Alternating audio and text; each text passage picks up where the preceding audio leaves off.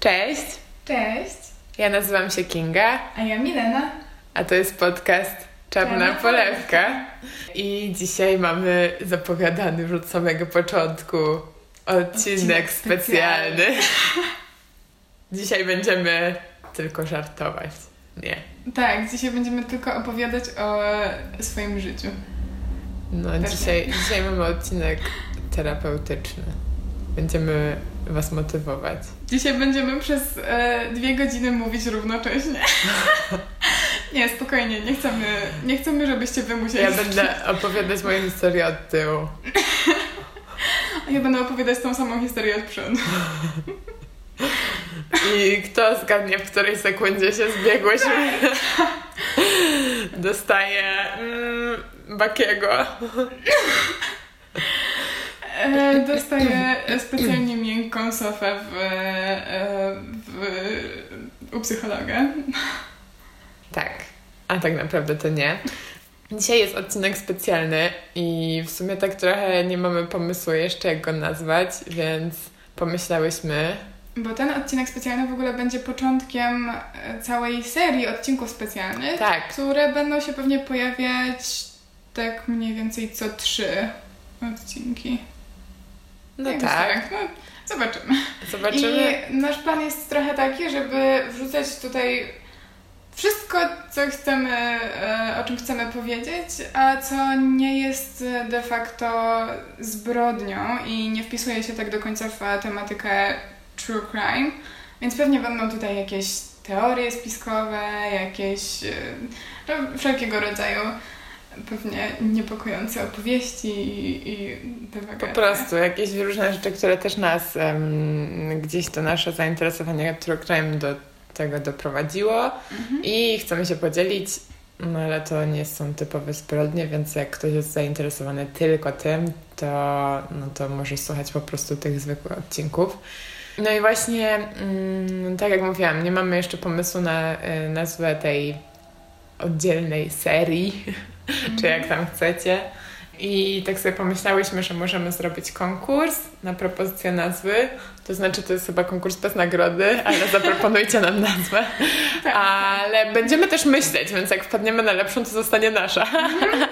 A, no a na razie mm, zobaczymy w ogóle, co to będą za historie, bo jestem ciekawa, nie Tak. ukrywam. E, No i tutaj też nie będzie tematów, tutaj po prostu co, co nam przyjdzie do głowy, to będziemy Tak, robić. to jest freestyle. Mhm. Freestyle.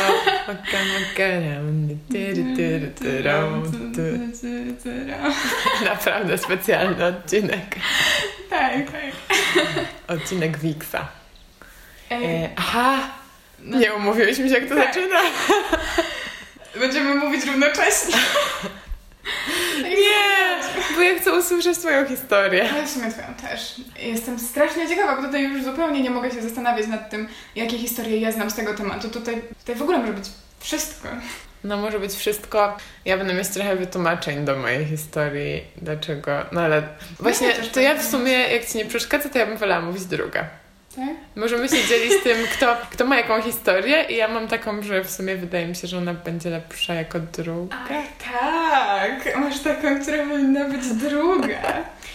Oczywiście. No skoro tak, to ja muszę zacząć pierwsza. Poza tym e, w tych normalnych ostatnio ja zaczynałam, więc trochę tak. No dobrze, dobrze. No. Dobrze. Dobra, ja wybrałam moją historię, dlatego że ona, mogliście w zasadzie już się z nią gdzieś spotkać, bo ona czasami jest poruszana przez jakieś takie, na przykład kanały na YouTubie zajmujące się taką niepokojącą i straszną tematyką. I ja teraz może już nie siedzę do końca w takich kanałach, ale już wyszłam z tych kanałów. Jestem z ciebie dumna. Tak, tak. Ale zdarzało mi się tam, e, tam Zajrzeć do kanału. zanurzyć stópki w nich. E, jakoś e, w gimnazjum myślę, że miałam takie faski. Em, no i Czyli to będzie gimbaziarska opowieść. tak, ale nie. Okej, okej. To będzie uniwersalna opowieść dla każdego. Wow. I ja właśnie natknęłam się na tą opowieść właśnie, myślę, że tak w gimnazjum i ona od początku wzbudziła we mnie duży niepokój. ponieważ ta opowieść ma związek trochę z, z tematem snu i bezsenności, a ja sama y, już w gimnazjum miałam problemy z bezsennością. Więc tym bardziej mnie zaniepokoiła, kiedy ją poznałam, że coś takiego w ogóle się wydarzyło kiedyś. To jest niepojęte dla mnie. E, no i też historia jest taka, że mm, kiedy już znałam tą opowieść, a w momencie, gdy już nie interesowałam się tak bardzo tymi kanałami, już wyszłam stamtąd, którejś nocy właśnie nie mogłam spać i tak... Kurde, e, myślałam, że tylko w tych kanałach się ciężko spało. Nie, nie, poza nimi też się okay. ciężko spało, zawsze. Ale okazuje się, że kanały były zawsze w moim sercu i w moim YouTubie. YouTube nie zapomniał o mojej przeszłości. Oj, kanałów w YouTubie jest zawsze masa.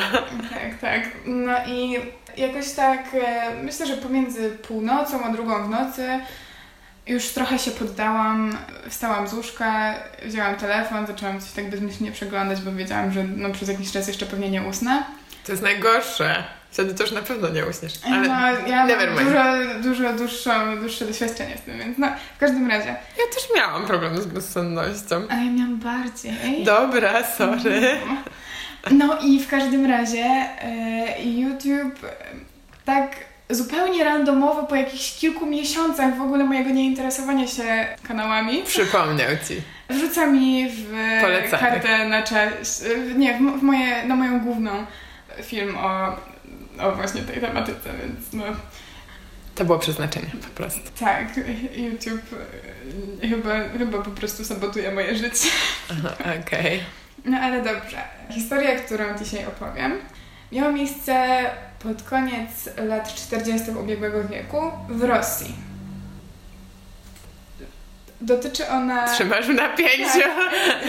Tak, nie, dotyczy ona eksperymentu przeprowadzonego przez e, rosyjskich naukowców, podczas którego chcieli oni sprawdzić, co się stanie, gdy zgodnie z zamierzeniami, chyba na miesiąc pozbawią snu pięć osób.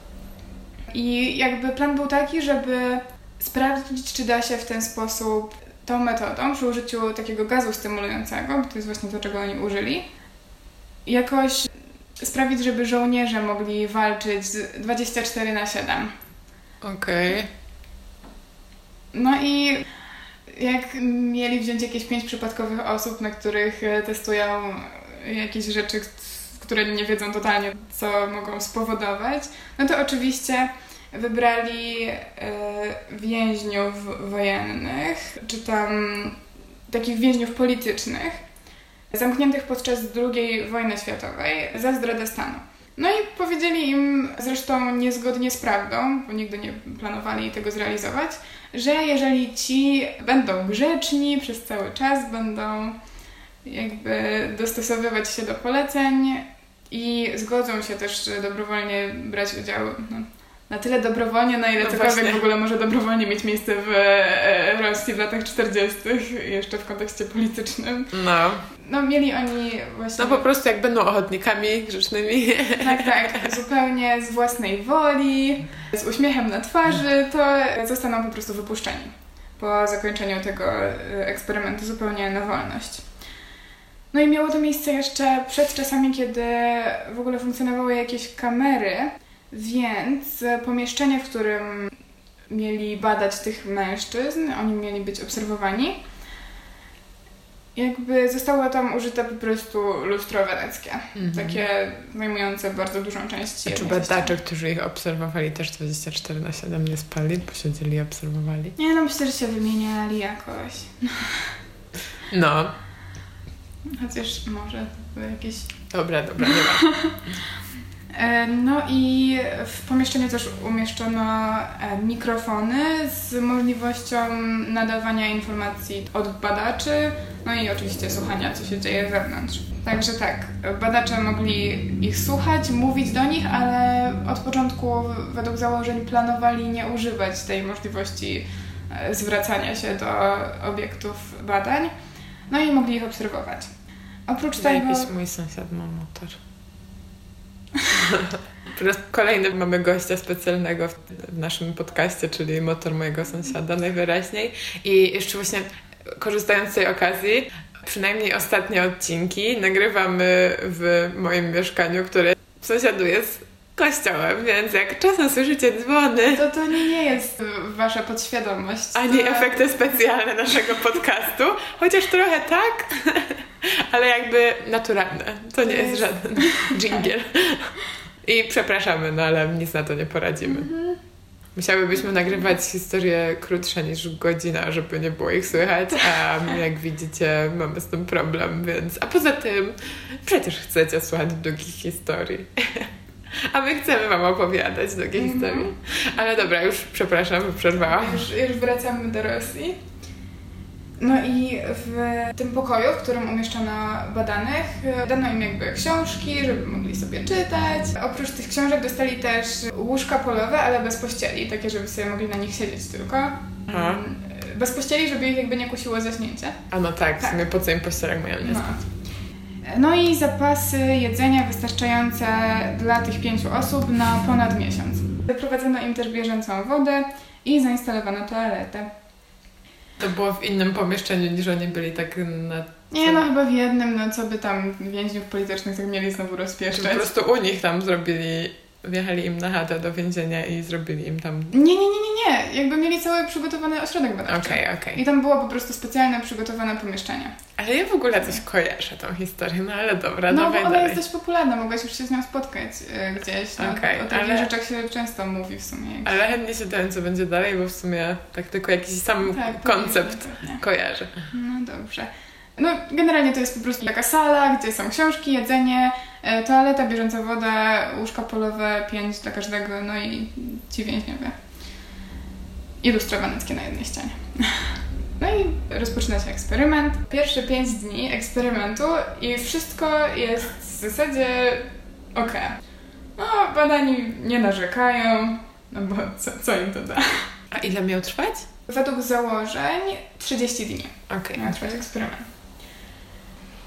No więc pierwsze 5 dni, wszystko spoko. Rozmowy i ich działania oczywiście są monitorowane przez cały czas. I okazuje się, że w miarę upływu czasu, pomiędzy tym pierwszym a piątym dniem, coraz częściej tematy rozmów wchodzą na jakieś traumatyczne przeżycia i takie różne nieciekawe sprawy. Więc hmm. to badacze y, zanotowali. I już tak po czwartym dniu generalnie ton konwersacji był dość mroczny. No ale poza tym jakoś nie obijali się jeszcze o ściany, więc, y, więc na razie wszystko spoko. Żołnierze mogą sobie gadać o traumatycznych przeżyciach i, i tak będzie ok. Może po prostu zdążyli się już zbliżyć po tych czterech dniach na tyle, Może. że mogli sobie opowiadać o takich cięższych tak rzeczach. Już... Zaufanie do siebie. Pewnie, pewnie tak było. Po pięciu dniach e, badani zaczęli narzekać na różne warunki i wydarzenia, które doprowadziły ich do, do znalezienia się w tym miejscu, w którym są, do udziału w tym eksperymentu i zaczęli wykazywać paranoję. Udziału w eksperymentu? Udziału w eksperymentu. Okej. Okay. Do udzieli w eksperymentach. tak. Fair enough. zaczęli wykazywać paranoję. I Ty na też zaczynasz magazynować. Ale to moja wina cały czas. Moja i tych wszystkich. Jesteś moim gazem stymulującym. Uuu. Wiem. No, ale już nie Dobra, dobra, przepraszam. Moje zachowanie zacznie znacznie odbiegać od mojego, ponieważ Mam badanie, nadzieję. No, w sensie, że, że ja nie Bo ja już czuję, że będzie coś Coś no, do śmierdziuszka. Myślę, że tutaj już nasze drogi się rozeszły, moje i badanych, ponieważ oni tak po tym piątym dniu mniej więcej przestają ze sobą w ogóle rozmawiać. O. I zamiast tego zaczynają szeptać do mikrofonów i w stronę luster weneckich. O. Wydaje się, że jakby uważają, iż mogą zdobyć zaufanie i przychylność osób prowadzących eksperyment, odwracając się od swoich towarzyszy, będąc przeciwko nim. Okej. Okay. Tak, więc co, coś, już, coś już zaczyna się dziać konkretnie. No i badacze stwierdzili, że to pewnie jakiś efekt uboczny zastosowania tego gazu.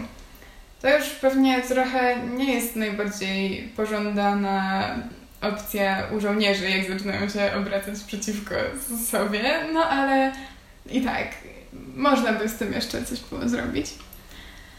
Natomiast po dziewięciu dniach jeden z badanych zaczyna krzyczeć. Biega od ściany do ściany, krzyczy bez przerwy ze wszystkich sił przez e, bite trzy godziny. I po tym czasie nadal próbuje, ale nie jest w stanie już e, wydobyć z siebie w ogóle żadnego głosu, tylko jakieś takie pojedyncze piski. Badacze dochodzą do wniosku, że to pewnie dlatego, że po prostu już uszkodził sobie fizycznie struny głosowe i nie jest w stanie dalej wydawać dźwięków. Bardzo zaskakujące jest to, w jaki sposób zareagowali pozostali badani, to znaczy w zasadzie nic nie zrobili. Tak zupełnie nic. W żaden sposób nie dali po sobie poznać, że, że słyszą, że tamten tutaj biega od ściany do ściany. I się zastanawiam się, jak to wyglądało. Tak. I oni przez ten cały czas e, wciąż szeptali do mikrofonów i w pewnym momencie po, po tych trzech godzinach, gdzieś mniej więcej po, po jakimś czasie, kolejny badany zaczął krzyczeć. E, natomiast dwóch z, z tych niekrzyczących zaczęli rozrywać książki i za pomocą własnych odchodów przylepiać strony tych książek e, do lustra weneckiego, przez które byli obserwowani. No i po jakimś czasie zalepili zupełnie całe. I okay. już badacze nie mogli w żaden sposób widzieć, co się tam dzieje. Ale to jednak musiało im trochę zająć, po ile mogli tego No myślę, że do końca dnia jakoś ogarnęli. Jak oszczędnie używali materiału, jeszcze koledzy pomogli, okay. ogarnęli to do końca dnia. I naukowcy mogli monitorować, to też jest istotne, mogli e, monitorować zużycie tlenu w pomieszczeniu. Nie wiem, jak w tamtych czasach mogli to monitorować, ale mogli, no bo oni też przez cały czas w ogóle kontrolowali e, mieszankę gazów, jaka się znajdowała w środku, no bo musieli pilnować, żeby stężenie tego stymulującego było odpowiednie. Więc e, na podstawie jakby kontroli tego, ile tlenu jest w powietrzu, wewnątrz, wiedzieli na pewno, że oni tam wszyscy żyją. No więc stwierdzili, że a, jedziemy dalej. No ale nie byli w stanie powiedzieć, co robią, więc w sumie po co kontynuować? No, Czy nie, patrzyli przez gazetę? Y, nie, no nie, nie mogli totalnie ich zauważyć. Pewnie po prostu jak już zaczęli, to stwierdzili, że a doprowadzą ich do, do końca tych 30 dni i zobaczą, co się stanie. Okej. Okay. Zwłaszcza, że przecież wtedy nawet nie są w stanie sprawdzić, czy oni serio nie śpią. No, w sumie tak. W sumie tak. Wiem. To, to jest ciekawe, dlaczego postanowili to zrobić, ale pewnie po prostu jakby ilość środków im na to po pozwalała i nic im to nie szkodziło, więc po prostu... To już lepiej spróbować tam wejść i ściągnąć te gazetki? Nie uprzedzajmy fakt. No. po jakimś czasie, kiedy te, te lustra już były zaklejone i to dość szybko ustał zarówno krzyk wewnątrz, jak i szepty do mikrofonów. Więc po prostu martwa cisza, nic nie widać, nic nie słychać. Minęły kolejne trzy dni i ci naukowcy tam tak w sumie nie wiedzą za bardzo, co mają zrobić, no ale przez cały ten czas właśnie zużycie tlenu wskazywało na to, że wszyscy żyją. Co więcej, zużywali taką ilość tlenu, jaką pięć osób zużyłoby przy bardzo wytężonej pracy fizycznej. I ostatecznie 14 dnia stwierdzili, że no coś trzeba zrobić i postanowili użyć tego interkomu wewnątrz sali. Chociaż nie planowali tego robić, to postanowili nadać do nich informacje i zobaczyć, co się wydarzy. Trochę się obawiali wtedy w sumie, że ci w środku mogli umrzeć albo stać się jakimiś totalnymi warzywami. No więc e, przez ten interkom powiedzieli, że otworzą zaraz komory, żeby sprawdzić, czy mikrofony działają, bo też nie byli do końca pewni, czy to, że tam nie ma żadnych odgłosów w środku, to jest dlatego, że oni realnie są tak cicho, czy też coś się zepsuło. No i poprosili badanych, żeby ci odsunęli się od drzwi i położyli na podłodze. Przy okazji powiedzieli jakby, że no, jak nie posłuchają tej grzecznej prośby badani, to zostaną zastrzeleni. A natomiast współpraca miała zostać nagrodzona natychmiastowym uwolnieniem jednego z nich. O! Tak. No i na taką informację usłyszeli w odpowiedzi taki spokojny głos mówiący już nie chcemy być uwolnieni. Także tak, naukowcy zaczęli się zastanawiać, o co w ogóle chodzi. No ale nie byli w stanie wywołać żadnych dalszych odpowiedzi przez interkom, dalej było zupełnie cicho w środku. No i stwierdzili, że dobra, o północy Chodzimy. 15 dnia gaz stymulujący został usunięty i komorę wypełniono świeżym powietrzem, żeby mogli tam wejść ci tam chyba żołnierze, no bo nie chcieli nikogo innego w niekontrolowany sposób e, narażać na kontakt z tym gazem. E, W momencie, kiedy właśnie wymieniono tam powietrze, to badani zareagowali e, protestami od razu. Mhm. I wtedy już chyba tylko trzech z nich mogło w ogóle mówić, bo pozostali dwaj się wykrzyczeli do końca. Podobno prosili w ogóle takim głosem o przywrócenie tego gazu, jakby to była kwestia ich życia i śmierci.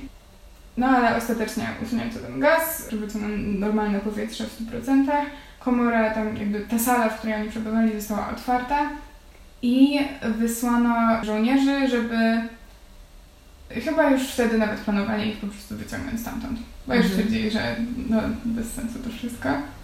Więc wysłano żołnierzy, żeby odzyskali jakby badanych, a badani w tym momencie, kiedy Tutaj w zasadzie nie jestem pewna. Czy jak się dowiedzieli przez ten interkom, że przerywają eksperyment i już koniec z tym wszystkim, czy też jak żołnierze weszli do środka, to badani zaczęli krzyczeć e, w ogóle bardzo głośno, wszyscy jakby, jakby działo się coś strasznego.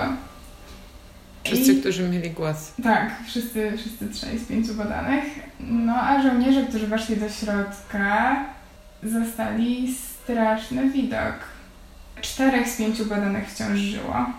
Jeden zginął. No ale w zasadzie co to za życie? Mam tutaj zdjęcie jednego z badanych, które ci pokażę. Ja chcę je widzieć. Myślę, że nie chcesz. O Jezu, nie wiem, czy chcę. No dobra, pokaż. O, serio? Mhm. Tak. Dobra, może wystarczy. E, teraz op- opowiem Wam, co się wydarzyło. Nie. No, porcje żywieniowe na dni dalsze niż e, piąty zostały praktycznie nietknięte. Odpływ wody e, w pomieszczeniu został zatkany kawałkami mięsa tego martwego badanego. I to sprawiło, że na podłodze zgromadziła się taka mniej więcej 10 cm warstwa cieczy, którą stanowiła głównie woda i pływająca tam krew.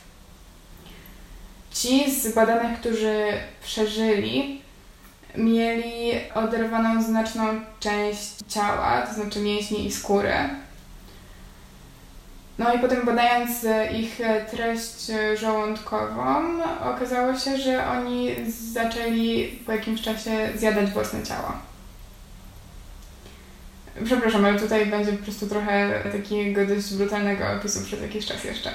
Więc wrażliwie niech sobie, nie wiem, na drugim urządzeniu włączą jakieś filmiki z, Czekaj, z to- uroczymi dziećmi. Czekaj, czekaj, włączam. No. No i tak. Jakby pa- patrząc na tam jacyś e, po, poważni naukowcy potem stwierdzili, że patrząc na rozmieszczenie tych wszystkich ran i to wszystko, to każdy badany odrywał fragmenty ciała od samego siebie. I wydaje się, że nie atakowali za bardzo siebie nawzajem. Organy poniżej klatki piersiowej wszystkich czterech badanych zostały usunięte. Jakby że niektóre z tych organów, które byli w stanie sobie wyciągnąć bez przerywania swoich czynności życiowych, czyli pewnie jakaś śledziona, jakaś jednonerka, jakaś tarczyca, co, coś tam. Nie wiem, tar tarczyca może nie. Ale czemu? Przecież wszystko jest ci tam trochę potrzebne, a po drugie No jakby tak. czemu to... Co, że, sobie, że oni sobie wyciągnęli? No ja nie wiem. Albo sobie wyciągnęli. Albo zniknęły? Albo i nie, bo one, one się też leżały w tej wodzie, jakby. To ich organy. No, abstrakcja w ogóle straszna. Nie, Ale- co ty? E, nie wiem, wydaje się, że to musiało się wydarzyć tego ostatniego dnia, no bo chyba by sobie nie przeżyli bez, bez swoich organów wewnętrznych. Natomiast e, naczynia krwionośne były nienaruszone, a te organy, które pływały w tej wodzie, też podobno nie były jakoś szczególnie zniszczone. Wyglądały jakby, jakby zostały jakoś tak delikatnie wyjęte i położone na podłodze. Więc tak no ale po co? Dziwne. E, no i drogi trawienne ich wszystkich e, pracowały, jednak właśnie trawiły swoje własne mięsa. Żołnierze, którzy tam weszli, no, byli w dość ciężkim stanie. Okazało się też, że w ogóle ci badani zaczęli toczyć jakąś strasznie zaciętą walkę, kiedy próbowano ich usunąć z komory. Jeden z żołnierzy, którzy tam mieli ich wyciągnąć, zginął z powodu ran gardła. Inny został poważnie ranny, ponieważ jeden z badanych odgryzł mu jądro i przegryzł tętnicę udową. Natomiast y, pozostałych pięciu żołnierzy, to znaczy ogólnie ci żołnierze, którzy przeżyli, popełnili samobójstwo niedługo po tych zdarzeniach. Mm, po tym, co zobaczyli, już nie byli w stanie po prostu z tym żyć. Podczas tej walki też jeden z czterech pozostałych przy życiu badanych wykrwawił się. Naukowcy próbowali chyba jakoś go uśpić, żeby, żeby kiedy już wiedzieli, że jest nie do odratowania, żeby tam e, ukrócić jego cierpienie, ale okazało się to niemożliwe. Podobno dziesięciokrotnie większą niż zezwolona dawka morfiny podano mu dożylnie, a on wciąż rzucał się jak w ogóle jakieś e, dzikie zwierzę i połamał chyba żebra jedną z naukowców. I jego serce biło jeszcze przez dwie minuty po tym, jak się wykrwawił. I przez, przez to w jego systemie krwionośnym znalazło się więcej powietrza niż krwi. Podobno, chociaż no już nie wiem na ile to jest y, jakieś przedramatyzowanie, nie wiem, czy tych naukowców, którzy byli w jakiejś traumie, czy jakichś y, kolejnych osób przekazujących tą historię. Natomiast nawet po tym, y, tutaj piszą, że ten badany krzyczał jeszcze przez, przez 3 minuty próbując jakoś się szarpać i, i atakować i podobno powtarzał słowo więcej. No więc e, aktualnie zostaje nam trójka badanych pozostałych przy życiu. I oni w jakiś sposób zostali opanowani, w sensie złapani i przeniesieni do jakby części medycznej tego obiektu. W tym było dwóch ze sprawnymi stronami głosowymi i oni cały czas e, błagali o przywrócenie tego gazu. Najbardziej ranny z tej całej trójki został e, zabrany do sali operacyjnej, która niestety była tylko jedna. Kiedy przygotowywano go do ponownego umieszczenia organów wewnętrznych w ciele, to okazało się, że jakoś się uodpornił na środki uspokajające. One w ogóle na niego nie działały. Na próbę podania mu jakiegoś gazu usypiającego e, odpowiedział podobno dużą agresją. I szarpał się tak, że udało mu się dość mocno przedrzeć przez taki gruby, skórzany pas, e, który był przypięty do łóżka. Pomimo, że oprócz tego jeszcze trzymał go żołnierz. Ostatecznie podano mu jakiś e, środek nasenny, pewnie dożylnie, do uśpienia. No ale w momencie, kiedy e, jego powieki zamknęły się, kiedy zasnął, akcja serca również się zatrzymała. I tutaj autopsja wykazała, że poziom tlenu we krwi był trzykrotnie wyższy niż powinien być u normalnej osoby. No wiadomo, że jego mięśnie były mocno poszarpane, miał wiele złamanych kości, z tym, że no, znaczna większość tych urazów wynikała z po prostu jego własnych działań, nie była zadana mu przez nikogo innego. Drugi z, z tych trzech e, ocalałych dotychczas badanych nie był w stanie wydać z siebie głosu, bo on już e, wykrzyczał całe swoje strony głosowe. Więc nie był w stanie protestować przeciw, przeciwko działaniom tam podejmowanych przy operacji. Zamiast tego tylko e, potrząsał bardzo gwałtownie głową, kiedy przyniesiono do niego gaz usypiający. E, a kiedy zaproponowano mu e, przeprowadzenie operacji bez znieczulenia, to zaczął e, kiwać głową. No więc zrobiono to, a on przez całe 6 godzin operacji w żaden sposób nie reagował. No wszyscy się w, ogóle dziwili o co chodzi, ale chirurg powiedział, że no, teoretycznie rzecz biorąc to on jeszcze żyje, więc operowano go przez te całe 6 godzin. Jedna z pielęgniarek potem podawała, że jak ich, ich wzrok się spotykał, ich spojrzenie się spotykały podczas operacji, to on się tak dziwnie uśmiechał do niej. No to musiało być generalnie strasznie creepy. Nie, co ty, normalnie. No i po zakończeniu operacji badany bardzo starał się coś powiedzieć, więc podano mu kartkę papieru i ołówek, a on napisał y, wiadomość o treści nie przestawajcie ciąć. Więc w zasadzie w tym momencie mamy jeszcze... Jednego. No niby jednego, ale tekst mi podaje, że mamy dwóch. Okay. Więc chyba jakieś tutaj... Błędy rachunkowe. W, w zapisie. No ale e, wychodzi na to, że ten, e, tego ostatniego podano analogicznemu zabiegowi, podobnie też bez środków znieczulających, bo stwierdzono, że no, jak się i tak nie działają, jak się ich próbuje usypiać, to umierają, więc dobra. E, ale podano im jakieś środki paraliżujące, ponieważ podobno jakoś tam cały czas się wyrywali i śmiali się, kiedy chirurg zaczynał przeprowadzać operację. Po sparaliżowaniu po prostu no, ten jeden, bo teoretycznie powinien być jeden, tylko leżał bez ruchu i podążał wzrokiem za naukowcem. No nie, ale zoperowanych było dwóch. Nie no, ale bo jeden, był, jeden umarł już jak tam weszli no. żołnierze, no. drugi umarł przy wyciąganiu ich stamtąd i mamy trzech. Pierwszy zginął jak go uśpili, go uśpili. No a dwóch pozostałych y, operowali. Jeden nie mówi, a drugi mówi. Ej, dobra, rzeczywiście, to już nie jestem, co nie mówi. Dobra. Słucham cię. Dzięki, asystentko. No dobra. Ci dam.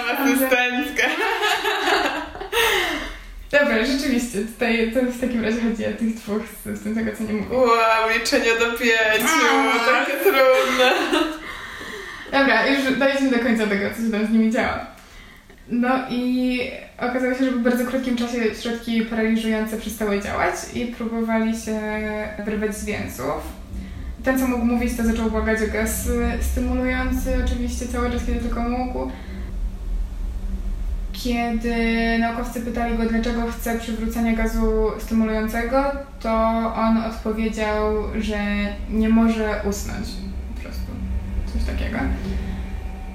No i ostatecznie na ten moment mamy dwóch żyjących badanych, e, którzy zostali ponownie na jakiś czas e, umieszczeni w komorze, kiedy musieli po prostu, jakby badacze nie wiedzieli totalnie, co z nimi zrobić. Po tej operacji, gdy już tam jakoś chyba ułożono im te organy w środku. No więc umieszczono ich z powrotem w, w, tej sali badań i naukowcy próbowali jakoś uzgodnić, co, co mają z nimi dalej robić. Przy tym bardzo się obawiali, ponieważ jakby ich eksperyment był sponsorowany od jakichś wyższych sił militarnych i za niewypełnienie ustalonych celów projektu mogłyby im grozić jakieś poważne konsekwencje. Naukowcy tak zastanawiali się, czy, nie wiem, czy zrobić jakąś eutanazję tych przetrwałych badanych. Znajdujący się tam oficer, y, były członek NKWD, stwierdził, że w sumie to można by sprawdzić, co się stanie, jak przywrócą ten gaz stymulujący. No i naukowcy pro, protestowali, ale jakby siły militarne były ponad nimi, więc, więc przywrócono gaz stymulujący. Przed zamknięciem sali badani zostali podłączeni do elektroencefalografów, które miały jakby obserwować e, pracę ich mózgu. No i ostatecznie dowódca rozkazał y, zamknąć komorę i przywrócić ten gaz i kazał też naukowcom pozostać. I kiedy badani dowiedzieli się, że zostanie im ponownie dostarczony gaz, to przestali się zupełnie wyrywać. No i tutaj no, było ich trzech albo dwóch, w zależności od tego, jak, jak na to spojrzymy. Ja, ja już się zgubiłam. Ja już się zgubiłam, ile ich było. Jeżeli wy zauważyliście, że to na przykład ja się pomyliłam, a nie te zapiski oryginalne są złe i ich tutaj realnie było trzech, to napiszcie, napiszcie co, co robię źle. Może się schował, nie umarł tak naprawdę. A może te, tych dwóch pierwszych, co umarło, to jednak, to jednak tylko umarł. był jeden, tylko na przykład znaleźli, nie znaleźli żadnego trupka na nie, miejscu. Nie, znaleźli, tylko... znaleźli na pewno, bo jego zwłoki zatykało odpływ. Nie no, dobra, jakby uznajmy, że teraz jest dwóch po prostu. Uznajmy, no. że teraz e, w, w tej komorze jest dwóch. I oni w zasadzie do, do samego końca, do samego momentu, kiedy mieli, miano wpuścić ten gaz stymulujący od nowa, oni widać było już, że bardzo walczą ze sobą, żeby tylko nie zasnąć. Niektórzy próbowali czasami coś nucić, jakoś e, stukać, e, mrugać gwałtownie i, tak dalej. Ostatecznie podłączono najpierw jednego do EEG i obserwowano jego fale mózgowe. W większości one były normalne, ale od czasu do czasu jakoś tak nagle zanikały. Jakby po prostu przeżywał śmierć mózgu raz na jakiś czas, tak randomowo. Randomowo umierał raz na jakiś czas. A potem wracał do stanu normalnego. No i kiedy naukowcy obserwowali ten wynik e, badania EEG, to ten badany po prostu zasnął i e, natychmiast jego fale mózgowe zmieniły się na te oznaczające głęboki sen, a zaraz potem e, jego akcja serca się zatrzymała i po prostu zmarł. No więc zostaje nam już tylko jeden według moich obliczeń. On również e, domaga się natychmiastowego dostarczenia gazu. No ale to pasuje, bo wcześniej mówiłaś, że miałby trzech albo dwóch, no ale um, zasnął jeden, no to zostaje jeszcze jeden. Więc twoje... Nie, nieważne, nieważne, zostawmy to, zostawmy. Więc y, dowódca kazał zamknąć badanych w, w komorze razem z tym jednym, który został. Natomiast w tym momencie jeden z naukowców wyciągnął pistolet, zastrzelił dowódcę. W ogóle zapanował totalny popłoch. Osoby z personelu zaczęły uciekać z tej sali i ostatecznie został tam już tylko ten naukowiec i jeden z obiektów badania, ten jeden, który przeżył. No i na szczęście mamy nagrania z, z tego całego zajścia, no bo tam przez cały czas były zamontowane mikrofony. Więc wiemy na pewno, że w momencie, kiedy ten ostatni naukowiec wycelował broń w badanego, przynajmniej tak przypuszczamy, że wtedy wycelował broń, zaczął też krzyczeć, naukowiec zaczął krzyczeć, że nie da się tutaj zamknąć z, z tym czymś i zapytał badanego, czym jesteś. Na to badany odpowiedział, i tutaj cytuję: Tak szybko zapomniałeś? Jesteśmy wami. Jesteśmy drzemiącym w was wszystkich szaleństwem, zawsze chcącym wydostać się na wolność z zakamarków waszych zwierzęcych umysłów.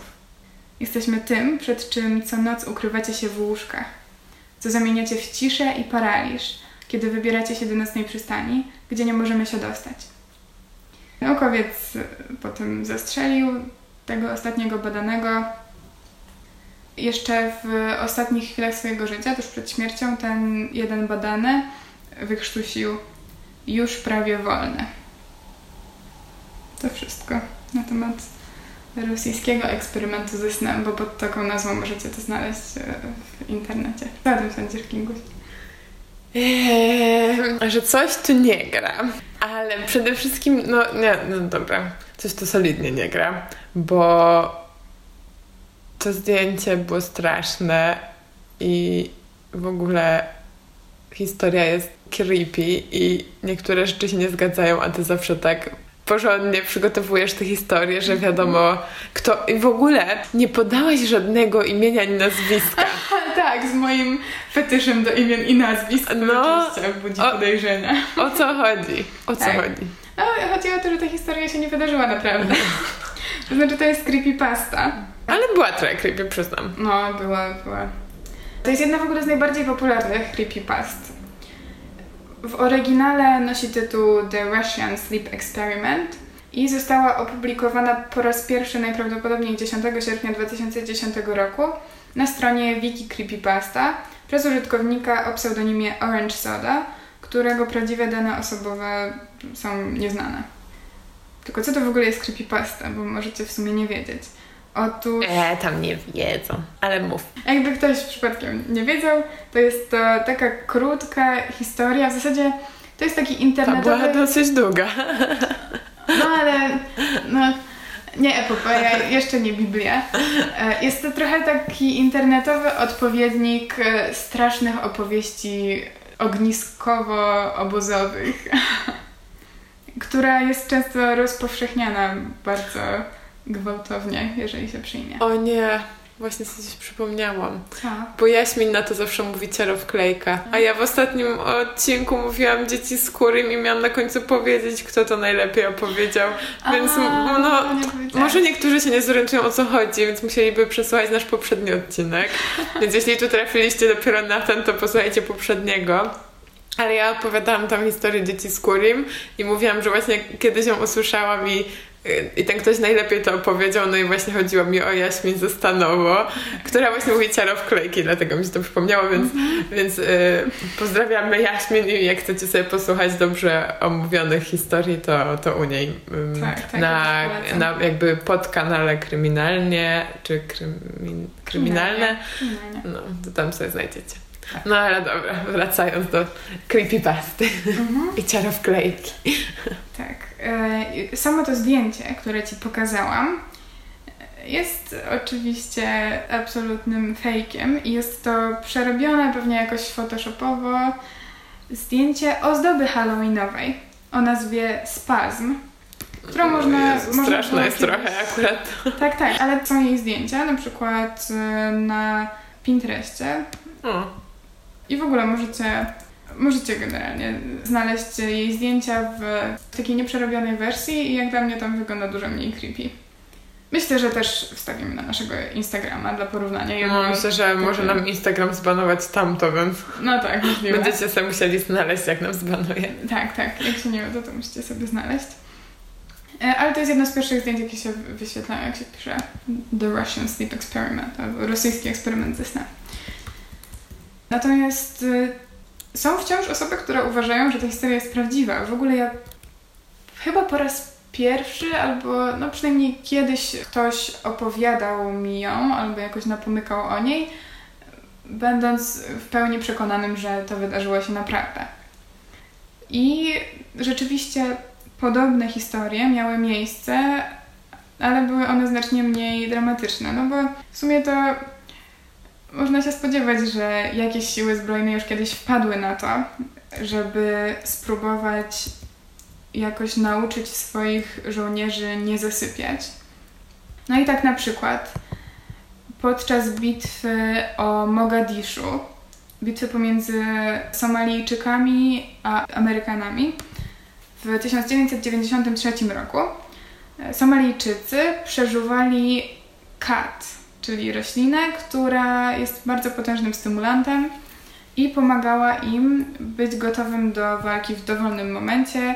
Oczywiście wszystkie pozostałe y, siły militarne, tylko się dowiedziały o tym, że Somalijczycy mają jakieś zielsko, które tutaj dobrze działa, to zaczęły prowadzić eksperymenty na ten temat. I tak w 2008 roku Pentagon, czyli siedziba Departamentu Obrony Stanów Zjednoczonych, opublikował niezależne badanie zlecone przez y, tam jakieś biuro, no nieważne, zatytułowane po prostu Human Performance. I podczas badania rozpatrywano 86 różnych leków i substancji pod względem właśnie ich wpływu na taką trzeźwość ludzkiego umysłu w sytuacji, w której człowiek jest pozbawiony snu przez y, pełne 3 dni. I chyba nawet jakiś dłuższy okres jeszcze tam testowano. No nie, to mnie akurat w sumie nie dziwi wcale, Tak, bo tak. to są Mhm. jakieś takie rzeczy, które no ogólnie naginanie jakiegoś lu- ludzkiego, No, to- to ludzkich możliwości do ekstremum to chyba nie jest jakieś szczególne nowum. Tak, tak. No i e, w tym badaniu tylko mała liczba została określona jako obiecująca z tych 86 różnych substancji.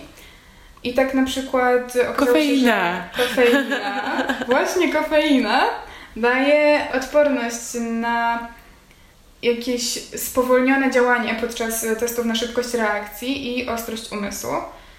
Nawet po trzech dniach treningu o wysokiej aktywności bez snu, ale mimo to inne umiejętności, takie jak chociażby celność, spadły u mm. osób poddawanych działaniu kofeiny, tak samo jak u tych, którzy nie przyjmowali kofeiny i też nie spali przez 3 dni.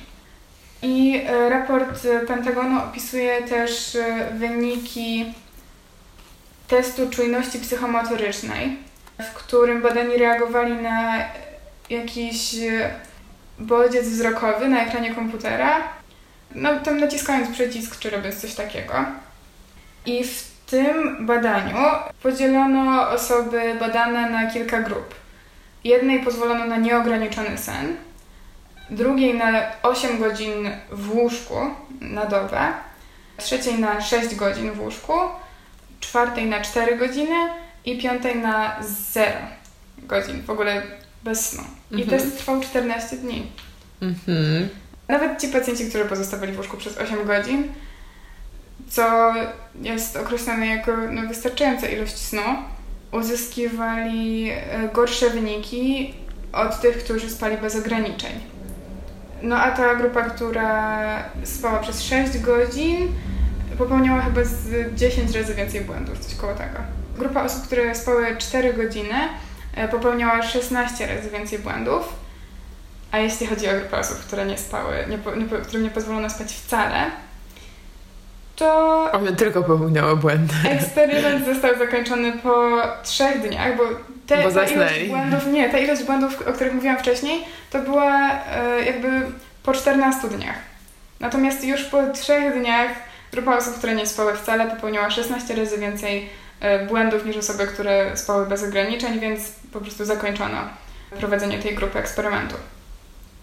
Poza tym kolejny test e, wykazał, że elitarne jednostki armii, które na sen miały nie więcej niż 3 godziny w nocy podczas 53-godzinnych ćwiczeń bojowych, strzelały kilka razy gorzej w testach niż ludzie pijani. Więc lepszy wyspany żołnierz niż nawet pijany żołnierz. Lepszy pijany niż niewyspany. Ta, tak, tak, tak. Ale wyspany też lepszy. No nie no, wyspany lepszy tak, niż każdy inny. Wyspany i trzeźwy. Tak jest o, najlepszy. Tak, tak. Żołnierz ideał. Nie trzeba nic więcej. Mhm. Natomiast jeśli chodzi o bo tutaj jakby w tym eksperymencie mamy podane, podane, że w tej creepypaście mamy podane, że oni nie spali przez 15 dni. Najbliżej, jeśli chodzi o tą długość czasu, jest eksperyment e, przeprowadzony w 1968 roku przez Instytut e, Neuropsychiatryczny UCLA, czyli takiego instytutu Stanach. Tak. E, I w tym eksperymencie czterech młodych mężczyzn poddano 205 godzinom wymuszonego czuwania. Czekaj, to jest jakieś 8, no, 7 dni? Tego. Coś koło tygodnia. Okej. Okay. tak. E, przeprowadzono im cztery razy dziennie testy psychofizyczne, czy tam no, psychofizjologiczne, coś takiego. E, I przez całą dobę naukowcy odnotowywali ich e, nastrój, zachowanie, no wszystko. Przeprowadzono też testy osobowości i logicznego myślenia. I po kilku dniach naukowcy coraz częściej zaczynali obserwować momenty, kiedy badani wydawali się zapadać jakby w kilku, kilkunastosekundowy sen, mimo hmm. że ich oczy były otwarte. Przy czym piątego dnia doszło do jakiegoś punktu zwrotnego, po którym badani zaczęli trochę odzyskiwać zdrowie, zmniejszyła się ich drażliwość i inne objawy. Najgorsze, co się w ogóle wydarzyło, to e, to, że jeden z badanych zaczął mieć halucynacje i widzieć jakieś postaci z, ze snu, który powtarzał się u niego, kiedy był dzieckiem. Ojeju. Ale To wszystko. Żadnego zjadania się nawzajem, żadnego No. biegania i, i krzyczenia, nic takiego. Jestem w stanie w to uwierzyć.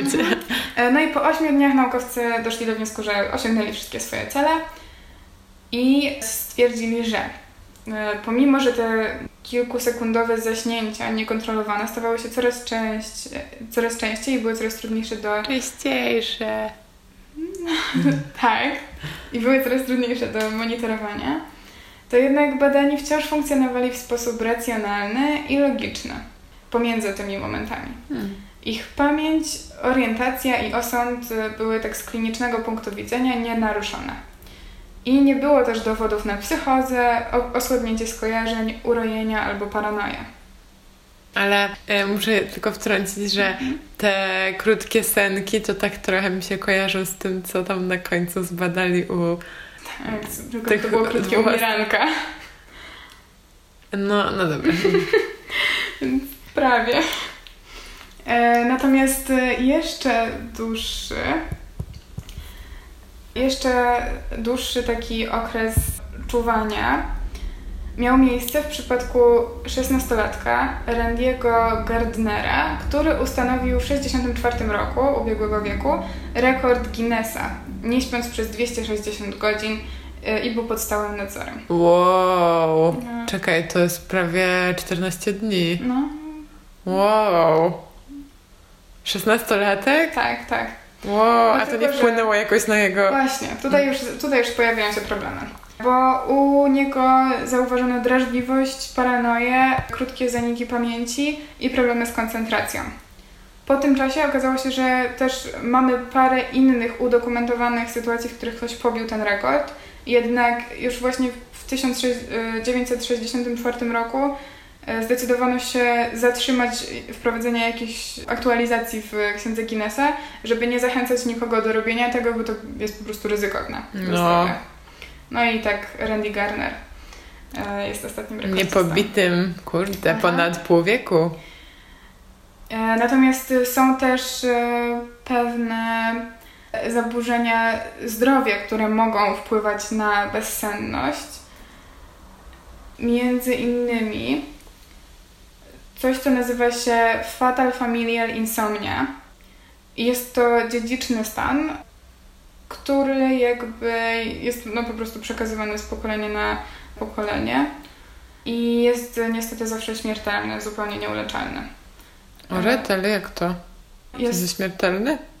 Tak, Że tak, się umiera na to? tak, Na insomnię? tak. Jak to? Tylko, że jakby objawy pojawiają się koło tam 50 roku życia. I dlatego to sobie... No ale tak umierasz, że po prostu tak długo nie śpisz, że... Nie no, spokojnie. No, E, to jest choroba... nie, bo zaciekawia mnie to, w sumie w ogóle no nie tak, znam na już, tym. już zobaczysz zaraz. E, To jest choroba prionowa i uszkodzone białko replikuje się samo i gromadzi się w mózgu, także przekształca tkankę e, mózgową w taki sposób, że ona już po prostu staje się bezużyteczna. No i zwykle właśnie pierwsze objawy pojawiają się w średnim wieku i od momentu, kiedy pojawią się pierwsze objawy, średnio osoby y, chore mogą przeżyć około 18 miesięcy. E, Hmm. Pierwsze objawy to dezorientacja, paranoja, utrata pamięci i bezsenność. Potem pojawiają się ataki paniki, halucynacje, nasilona bezsenność i wreszcie przejście do braku reakcji, całkowitej demencji i całkowitej bezsenności. I w tym, potem pod koniec, już przez kilka miesięcy przed śmiercią, pacjent pozostaje przeważnie w stanie w ogóle całkowitej bezsenności, ale też nie ma z nim żadnego kontaktu. E, No i na szczęście jest to bardzo rzadka choroba. Zidentyfikowano ją tylko u około 40 rodzin na całym, całym świecie. Hmm. No i tak, myślę, że, że to będzie wszystko, co mam do powiedzenia na ten temat. Tak? Tak. O, okej.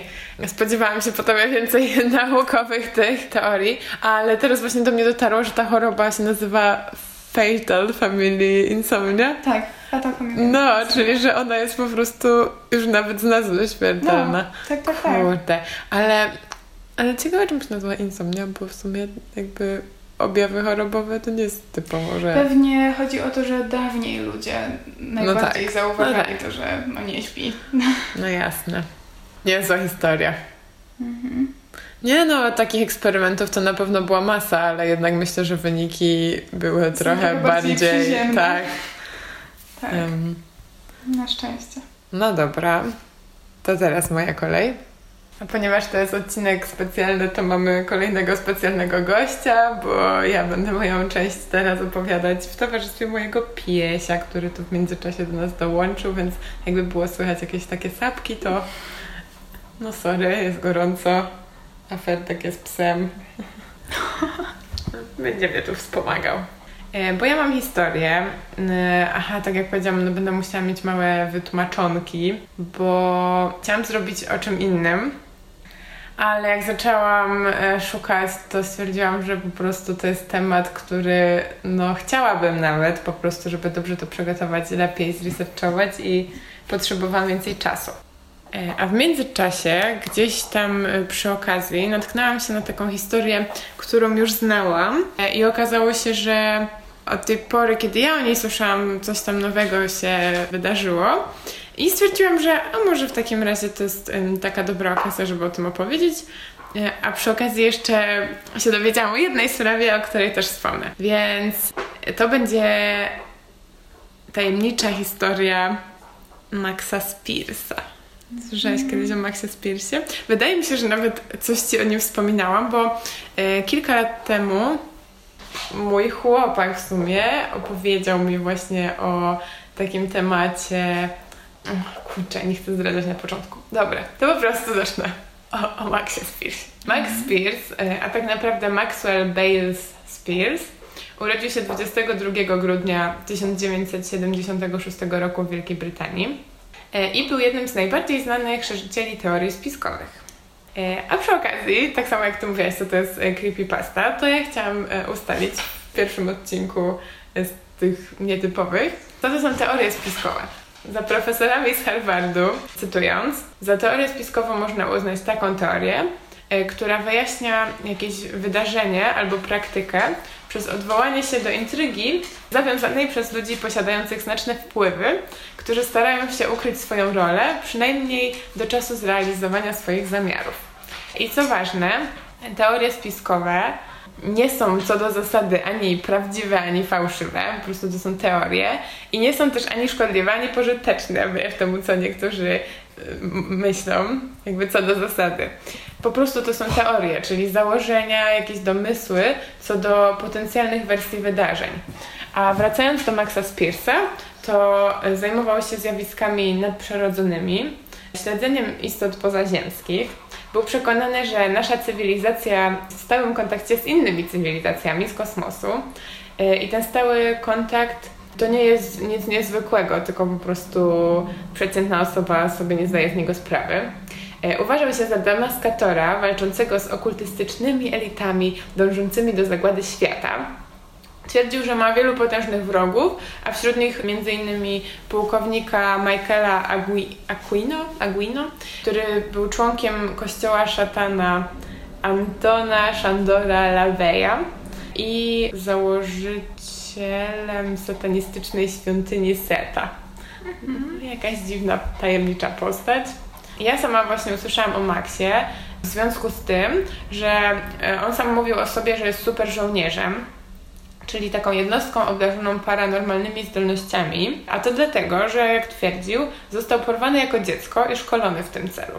I od najmłodszych kojarzysz? On jest jakiś taki bardzo uwięźniony. No i- nie no, tak normalnie umięśniony. I kurczę, kojarzę, coś kojarzę. Bo ja coś ci chyba kiedyś... Coś mi wspominałeś. No właśnie tak mi się wydaje, ale to jak dojdziemy do tego, to może ci się przypomnieć, bo chyba wiem w jakim kontekście ci wspomniałam. W każdym razie to było parę lat temu, jak właśnie usłyszałam o Maxie. I on twierdził, że został porwany jako dziecko i szkolony właśnie w tym celu, żeby być tym super żołnierzem. Od najmłodszych lat pracowano nad jego psychiką, powodując jej rozszczepienie metodą mind control. Jego zdaniem podobne eksperymenty były przeprowadzane choćby w obozie Auschwitz przez niemieckiego nazistę doktora Mengele. Twierdził, że czwarta Rzesza nadal istnieje i skutecznie rządzi światem, a sam Mengele żyje dzięki możliwości cofania czasu, podobnie jak inni naziści, że czas tak naprawdę w ogóle nie istnieje, a poruszanie się po jego przestrzeni, takiej jaką znają ludzie linearnej, jest możliwe i praktykowane. opowiadał, że w czasach, kiedy został porwany, było z nim w sumie 44, 44 chłopców, bo byli to sami chłopcy, z których w 2016 roku została tylko dwójka mężczyzn. On sam żył tylko dlatego, że miał w sobie niezwykłą wolę życia i udało mu się wyjść jakby poza umysł. Um, I ten program, który na nim stosowano, Mind Control, przestał działać na tyle, że jakby był w stanie no jakby wydostać się z tego eksperymentu. Chociaż szczerze mówiąc, ja nie kojarzę, żeby on mówił ani gdzie, to jakby on chyba tego eksperymentu jako tako nie pamiętał, bo jakby sobie go trochę zablokował częściowo. Mówił, że doświadczył mm, eksterioryzacji, czyli takiego stanu polegającego na wychodzeniu z własnego ciała. I nauki ścisłe i świat w ogóle naukowy nie potwierdzają, nie, nie uznają istnienia tego, tej eksterioryzacji, y, która się po angielsku skrótem nazywa OB tylko to odczucie kwalifikują jako marzenie senne. I wydaje mi się, że to jest coś, co możecie kojarzyć.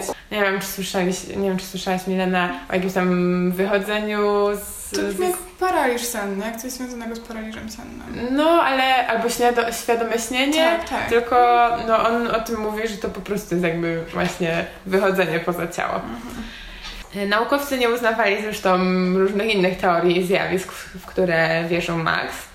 Poza tym, o czym mówiłam wcześniej, twierdził, że my wszyscy jako ludzie jesteśmy uczestnikami wojny, która toczy się między światem duchowym a materialnym. I nie jesteśmy świadomi zagrożeń, które na nas czyhają.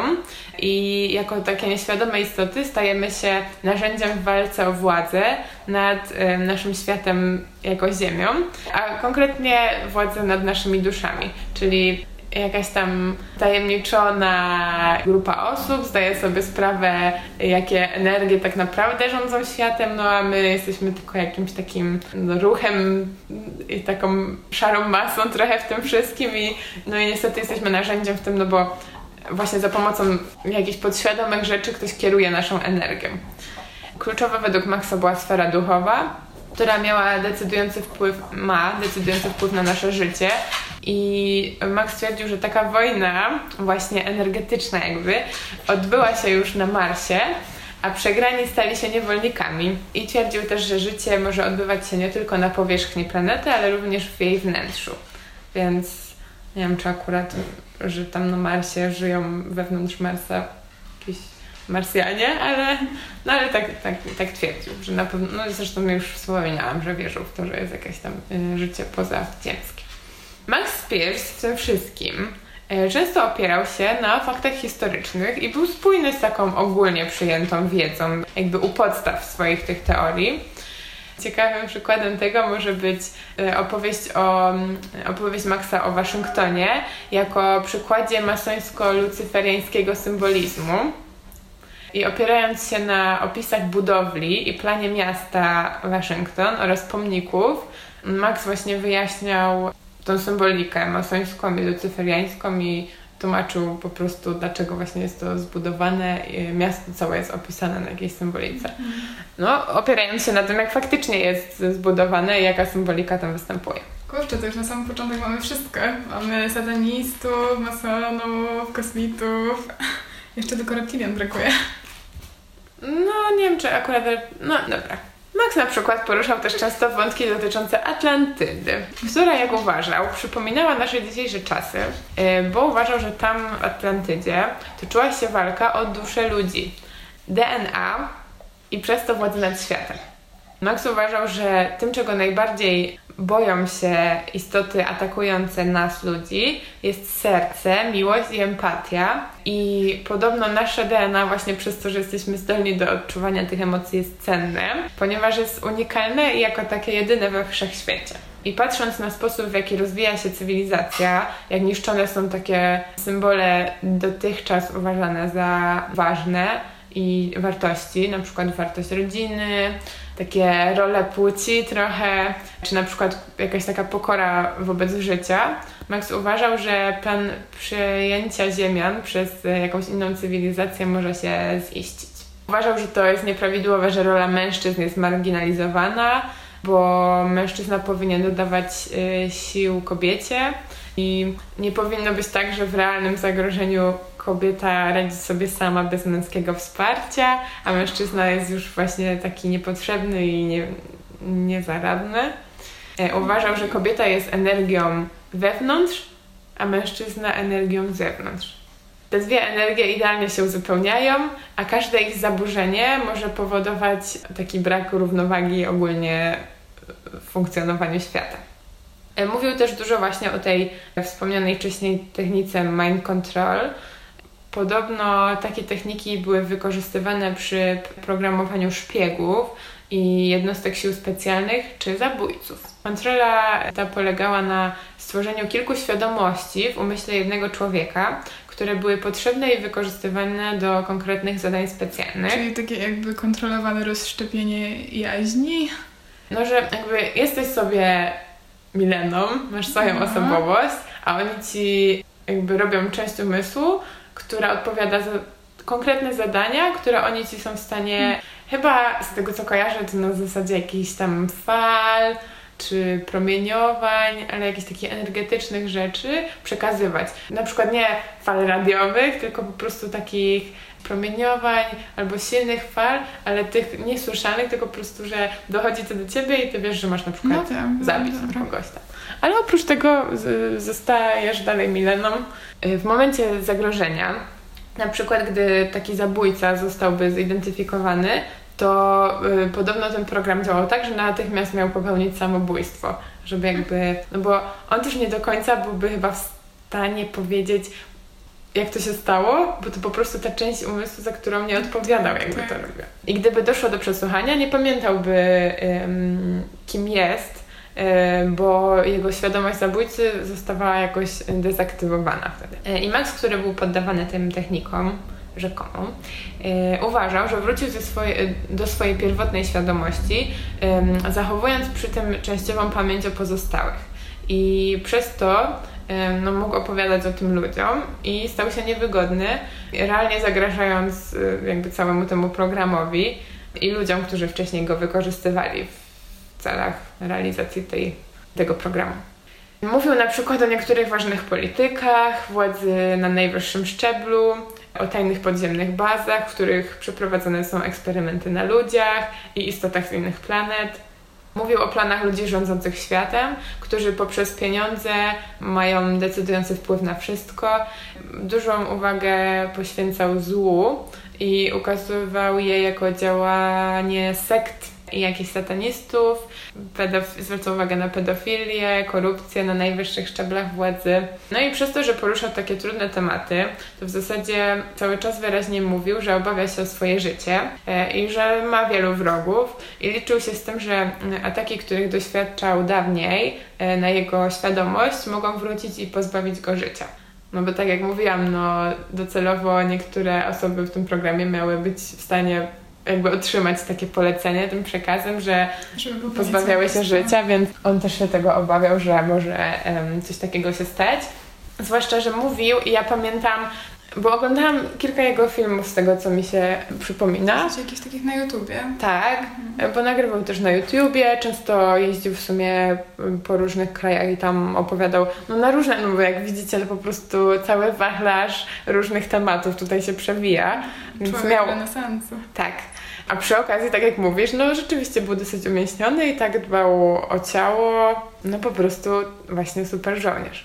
A przy tym jeszcze miał takie różne umiejętności, no właśnie miał wyćwiczony umysł, w sensie, że mówił, że potrafi właśnie różne takie rzeczy energetyczne wychwytywać i tak dalej. No i czasami w niektórych filmach, z tego co ja kojarzę, mówił właśnie, że na przykład czuje, że próbuje ktoś właśnie na niego oddziaływać i jakieś te fale zakłócają jego myślenie i wtedy na przykład mówił, że nie może się teraz skupić, no bo ktoś ewidentnie na niego oddziałuje e, albo po prostu zwalniało się jego mówienie w trakcie filmu. Oprócz wrogów, Max miał jednak wielu zwolenników, którzy widzieli w nim poważnego naukowca, no bo tak jak mówię, chociaż to brzmi dziwnie, to jednak on... Ym, no nie wiem, na pewno kojarzycie dużo takich um, różnych internetowych e, oszołomów. i jest ich wielu i te teorie spiskowe niestety z tym się kojarzą. Ale jednak jest to tematyka, która mnie gdzieś tam ciekawi i bardzo sobie cenię ludzi, którzy są w stanie opowiadać o tym w taki konkretny sposób, no nawet jeżeli nie mają, powołują się na jakieś, nie wiem, właśnie swoje doświadczenia, a nie jakieś naukowe dowody, których na przykład nie, nie ma oficjalnych, to jeżeli faktycznie no nie mówią po prostu, że no jest tak, bo tak jest. No i Max y, faktycznie taki był, że no analizował po prostu wiele rzeczy, które są aktualnie, jakieś odwołania historyczne i, i budował na tym swoje teorie. No więc tak jak mówię, miał, miał swoich zwolenników i wielu z nich uważało go właśnie za naukowca, podziwiali go za charyzmę i odwagę yy, i postrzegali jako jednego z najważniejszych wrogów i demaskatorów Illuminati. Co ciekawe, wielu z tych zwolenników było w Polsce i Max yy, często przyjeżdżał do Polski na różne wykłady i jakieś tam spotkania z nimi. I kiedy odczuwał, że ataki na jego umysł zaczęły się natężać, przyjechał do Polski na zaproszenie swojej kilkuletniej przyjaciółki i zwolenniczki jego teorii, Moniki Duval, o ile dobrze pamiętam. I właśnie nie jestem pewna, bo e, w jednym z artykułów, które czytałam, jej nazwisko było z kropką, czyli tak jakby jak u nas się robi jakichś podejrzanych o przestępstwa, więc będę mówić o niej po prostu Monika, ale z drugiej strony w źródłach anglojęzycznych jest podawane pełne nazwisko, zresztą pełne źródeł można znaleźć, gdzie jest pełne nazwisko. Mam nadzieję, że dobrze zapamiętałam. No ale Monika była jego przyjaciółką. Ona mieszkała w Warszawie i Max właśnie od kwietnia 2016 roku też tam mieszkał. I jeśli moja relacja ma się w to jakoś włączyć, to ja usłyszałam o Maxie na pewno przed tą datą.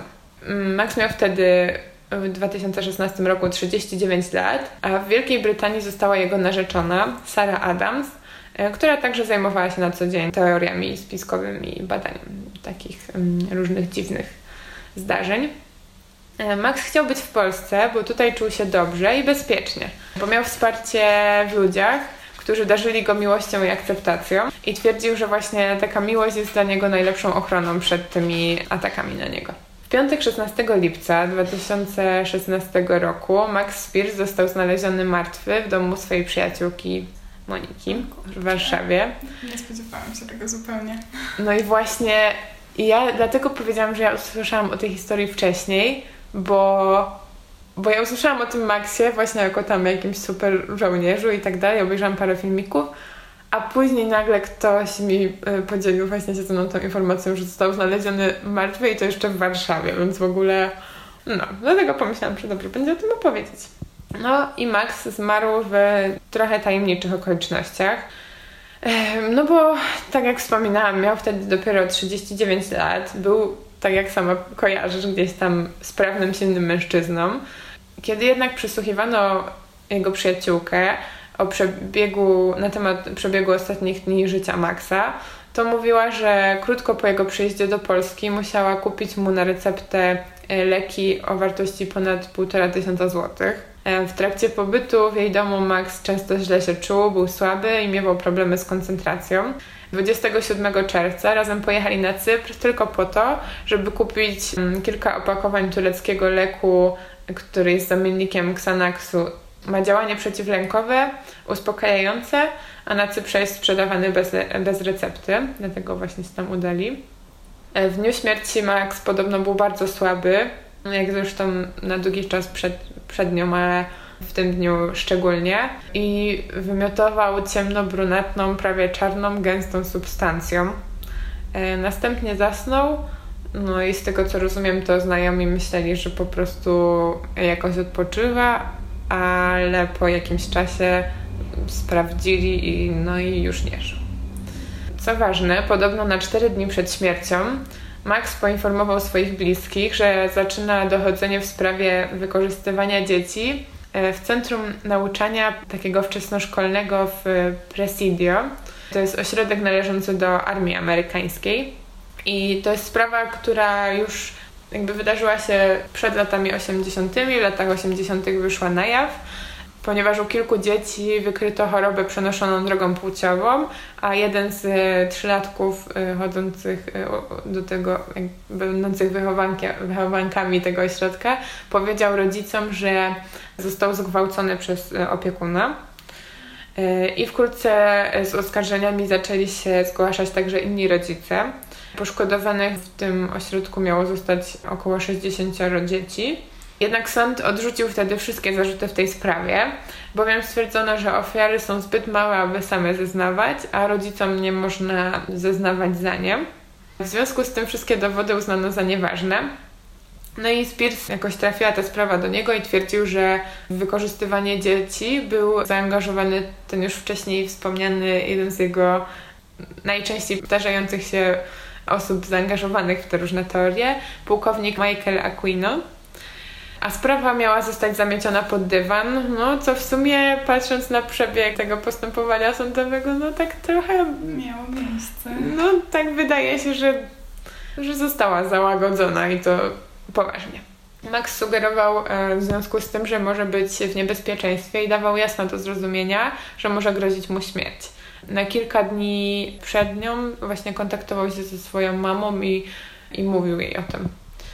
Oczywiście wielu zwolenników Maxa nie wierzy, że mógł umrzeć z powodów naturalnych, e, ale właśnie to e, w pierwszej chwili zostało podane jako przyczyna jego śmierci, e, według śledztwa przeprowadzonego przez prokuraturę okręgową w Warszawie. Narzeczona i matka Spearsa zupełnie w to nie wierzą. Obydwie twierdzą, że Max został przez kogoś najprawdopodobniej otruty. I ich zdaniem nie bez znaczenia jest to, że Max zmarł w piątek, bo ten dzień tygodnia jest podobno dosyć popularnie wykorzystywany w przypadkach takich tajemniczych jakichś samobójstw. No tutaj akurat nie jest stwierdzone, że to było samobójstwo, ale po, piątek podobno jest dobrym dniem dla zamaskowania zbrodni, ponieważ sekcja zwłok z reguły może odbywać się dopiero po weekendzie. Matka Maxa oskarżała polskie organy o to, że nie chcą wyjaśnić sprawy i manipulują śledztwem i podobno nawet nie zdążyli przeprowadzić autopsji ciała, tylko chcieli zamknąć śledztwo na podstawie właśnie oględzin tam z miejsca zbrodni. Dlatego też polskie organy przesłuchały wszystkich świadków, a następnie przekazano śledztwo policji w Kent, skąd y, Max pochodził. I kiedy brytyjska policja zdała sobie sprawę, że nie była to typowa śmierć z przyczyn naturalnych, to właśnie przeprowadzili od razu tą autopsję i doszli do wniosku, że tutaj miało miejsce overdose, czyli przedawkowanie, OD. Max przedawkował leki, które Monika du Duval, Monika? Mhm. D.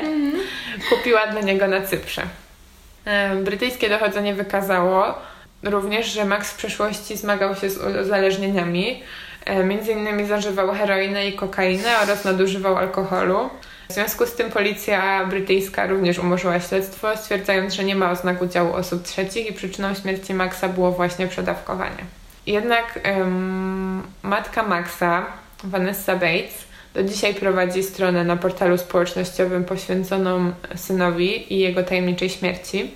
I na skutek właśnie jej apelów ona e, kontynuuje to dlatego, że właśnie Max kilka dni przed śmiercią zadzwonił do niej i powiedział, że jeżeli zginie, to ona ma badać, co się z nim wydarzyło i jakby spróbować to wyjaśnić, bo na pewno to nie będzie zwykła śmierć. No ale to są jakby też informacje od niej, więc nie mam jakiegoś potwierdzenia, że faktycznie, nie wiem, jakiejś SMS-ka, że takiego napisał. I na skutek apelów matki Maxa oraz innych zainteresowanych, brytyjska policja wznowiła śledztwo w sprawie Maxa na początku tego roku i postanowiła ponownie przyjrzeć się 700 stronom akt w tej sprawie. Więc skoro mają 700 stron akt, to chyba nie jest tak, że jakoś to zupełnie olali, tylko mhm. no, jakieś podejrzenia musieli mieć, skoro... Dziwne, co... Tak. Jak długo można pisać o tym, że przedawkował Xanax? No, no chyba, że jakieś po prostu takie rozległe jakieś wyniki, raporty medyczne, jakieś tak, zdjęcia, tak, tak. przesłuchiwania świadków też zresztą. ale 700 mhm. stron to jednak wciąż dużo. Niestety, jedyne co znalazłam na temat wyników tego powtórnego śledztwa to to, że brytyjska policja wypowiada się w prasie bardzo niepochlebnie o polskiej części śledztwa, zarzucając między innymi, że przez niekompetencje polskich organów doszło do sytuacji, że ciało Maxa jeszcze przez całą noc po jego śmierci zostało w, przyjaciół, y, w mieszkaniu tej przyjaciółki i nie było zabezpieczone właśnie przez policję, tylko po prostu no do, policja dopiero rano przyszła y, na miejsce zdarzenia, mimo że jakby zgłoszenia dokonano wcześniej. Co jest jakąś dziwną sytuacją, no ale no niestety nie ustalę już, czy tak faktycznie było. I to są w zasadzie wszystkie informacje, jakie udało mi się znaleźć na temat tej sprawy. Yy, I zastanawiam się, czy, czy coś myślisz. Coś pewnie myślisz. Nie wiem, no dziwaczna sprawa. To jest bardzo Ja raczej jestem bardzo sceptyczna, jeśli chodzi o, o takie osoby, które sprzedają prawdę objawioną. Nie no, ja Ferdek też jest bardzo sceptyczny. Ferdek sobie słodko śpiuszka. Ja też jestem sceptyczna i pamiętajcie, ja tutaj pewnie będę opowiadać o różnych rzeczach, bo, bo one mnie ciekawią i wydaje mi się, że w każdej historii gdzieś tam może być jakieś ziarnko, które to zapoczątkowało. I, no i historia już wiele razy pokazywała, że wiele teorii spiskowych jednak okazywało się prawdą. Pewnie o jakiejś kiedyś też opowiem. Tylko wiecie, teraz to jest też na taką dużą skalę i może mm -hmm. dlatego e, czasami ciężko się słucha, no bo tak naprawdę możemy wymyślić sobie wszystko i powiedzieć to i, i znajdzie się ktoś, kto sobie posłucha i pomyśli, e, serio tak jest może. Mm -hmm. Ale tutaj jednak, no nie ukrywam, że no to jest dziwna sytuacja. Żeby osoba, która gdzieś tam mówi o takich rzeczach, no która nadużywała heroiny i kokainy i alkoholu przez całe swoje życie. No ale z drugiej strony, gdyby to była prawda, no to przecież policja może jest w stanie zamaskować takim, no powiedzą właśnie tak, no i już koniec tematu. I nikt nie będzie pytał więcej. Czyli... No przedawkował, no i wcześniej był heroinistą, no to sorry. A mógł nie być. Że... I już tego nie udowodni, bo nie zrobisz mu badań krwi. No, no niby tak, ale myślę, że Gdyby to realnie była taka prawda objawiona, to czy nie spróbowaliby go jakoś szybciej unieszkodliwić? Mogliby go zabić w dokładnie ten sam sposób wcześniej i powiedzieć, że przedawkował coś. No tak, ale może to, bo to też e, no, miał 39 lat, w którymś tam momencie się pojawił, więc to chyba nie jest tak, że on od tam lat wyjawiał to prawda objawione, tylko po prostu zaczął zyskiwać jakąś taką popularność, bo to był mniej więcej ten okres, kiedy ja o nim usłyszałam. No nie mówię, że jestem jakimś wyznacznikiem trendów, ale no tak, tak. chyba po prostu zaczynała się jakaś taka wtedy też mhm. mniej więcej w tych latach no moda, czy tam popularność tych, tych właśnie teorii. Ale y, dla mnie ciekawe jest to, że jest gdzieś też tam taka teoria a propos tej sytuacji, że może właśnie ta Monika go otruła. I tak naprawdę ona była jego przyjaciółką, no ale była jego przyjaciółką, bo chciała zyskać jego zaufanie i, mhm. no i po prostu no, miała sposobność ku temu. To akurat nie ma wątpliwości. No Gdzieś tak, tam jakieś tak. leki już od dawna w ogóle mu pomagała kupować. No nie wiem, w sensie wiadomo, ja tutaj nikogo nie oskarżam o nic, ale no ale nie jest to taka jednoznaczna sprawa, bo mogło być, mogło być tak, że faktycznie to był narkoman i z dużą fantazją i jakąś dawką inteligencji, który mm -hmm. wymyślił sobie coś takiego.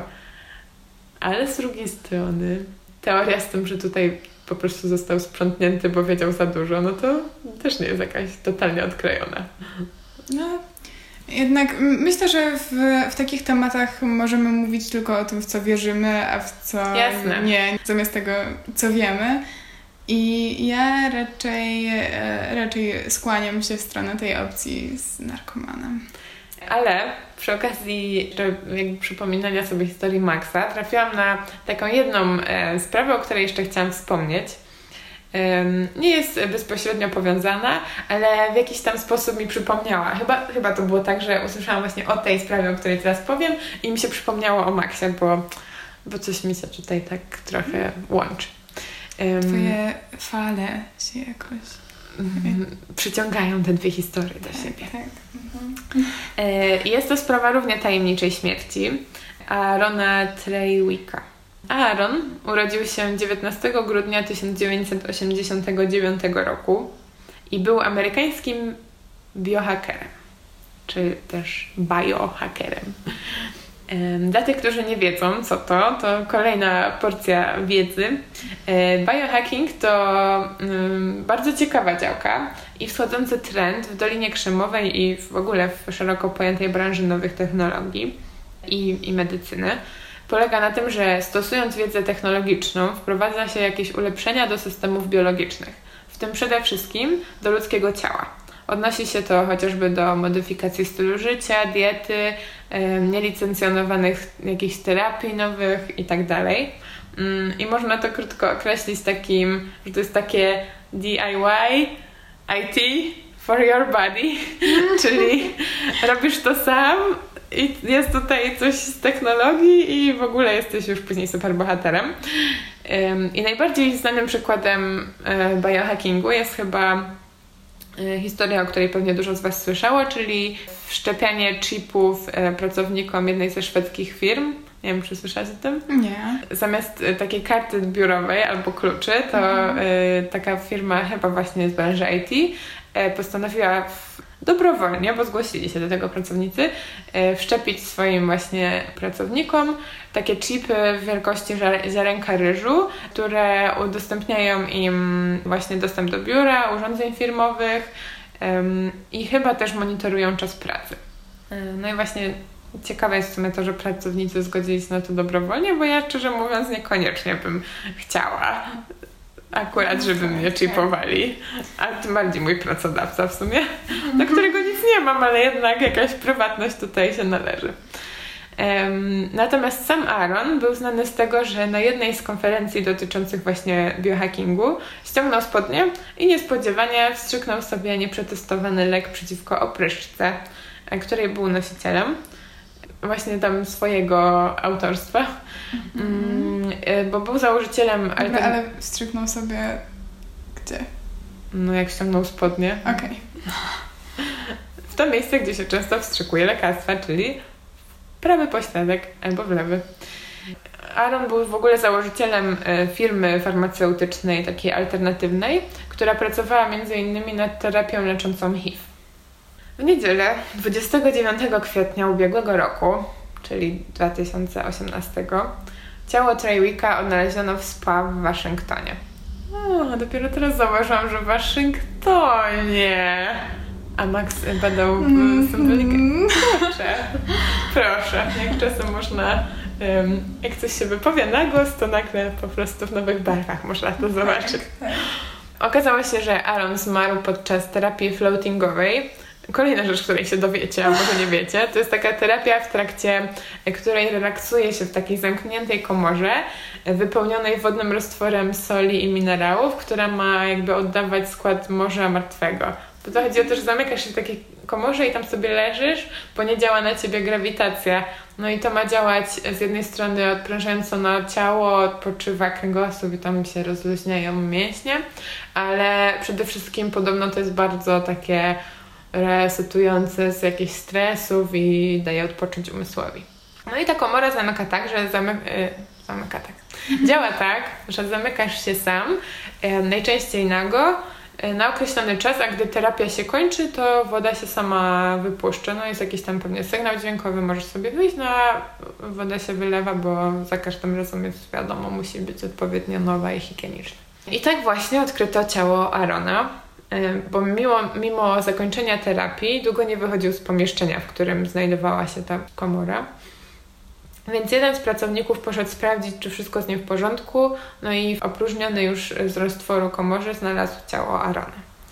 Policja badała miejsce zdarzenia, ale nie znalazła dowodów na udział osób trzecich.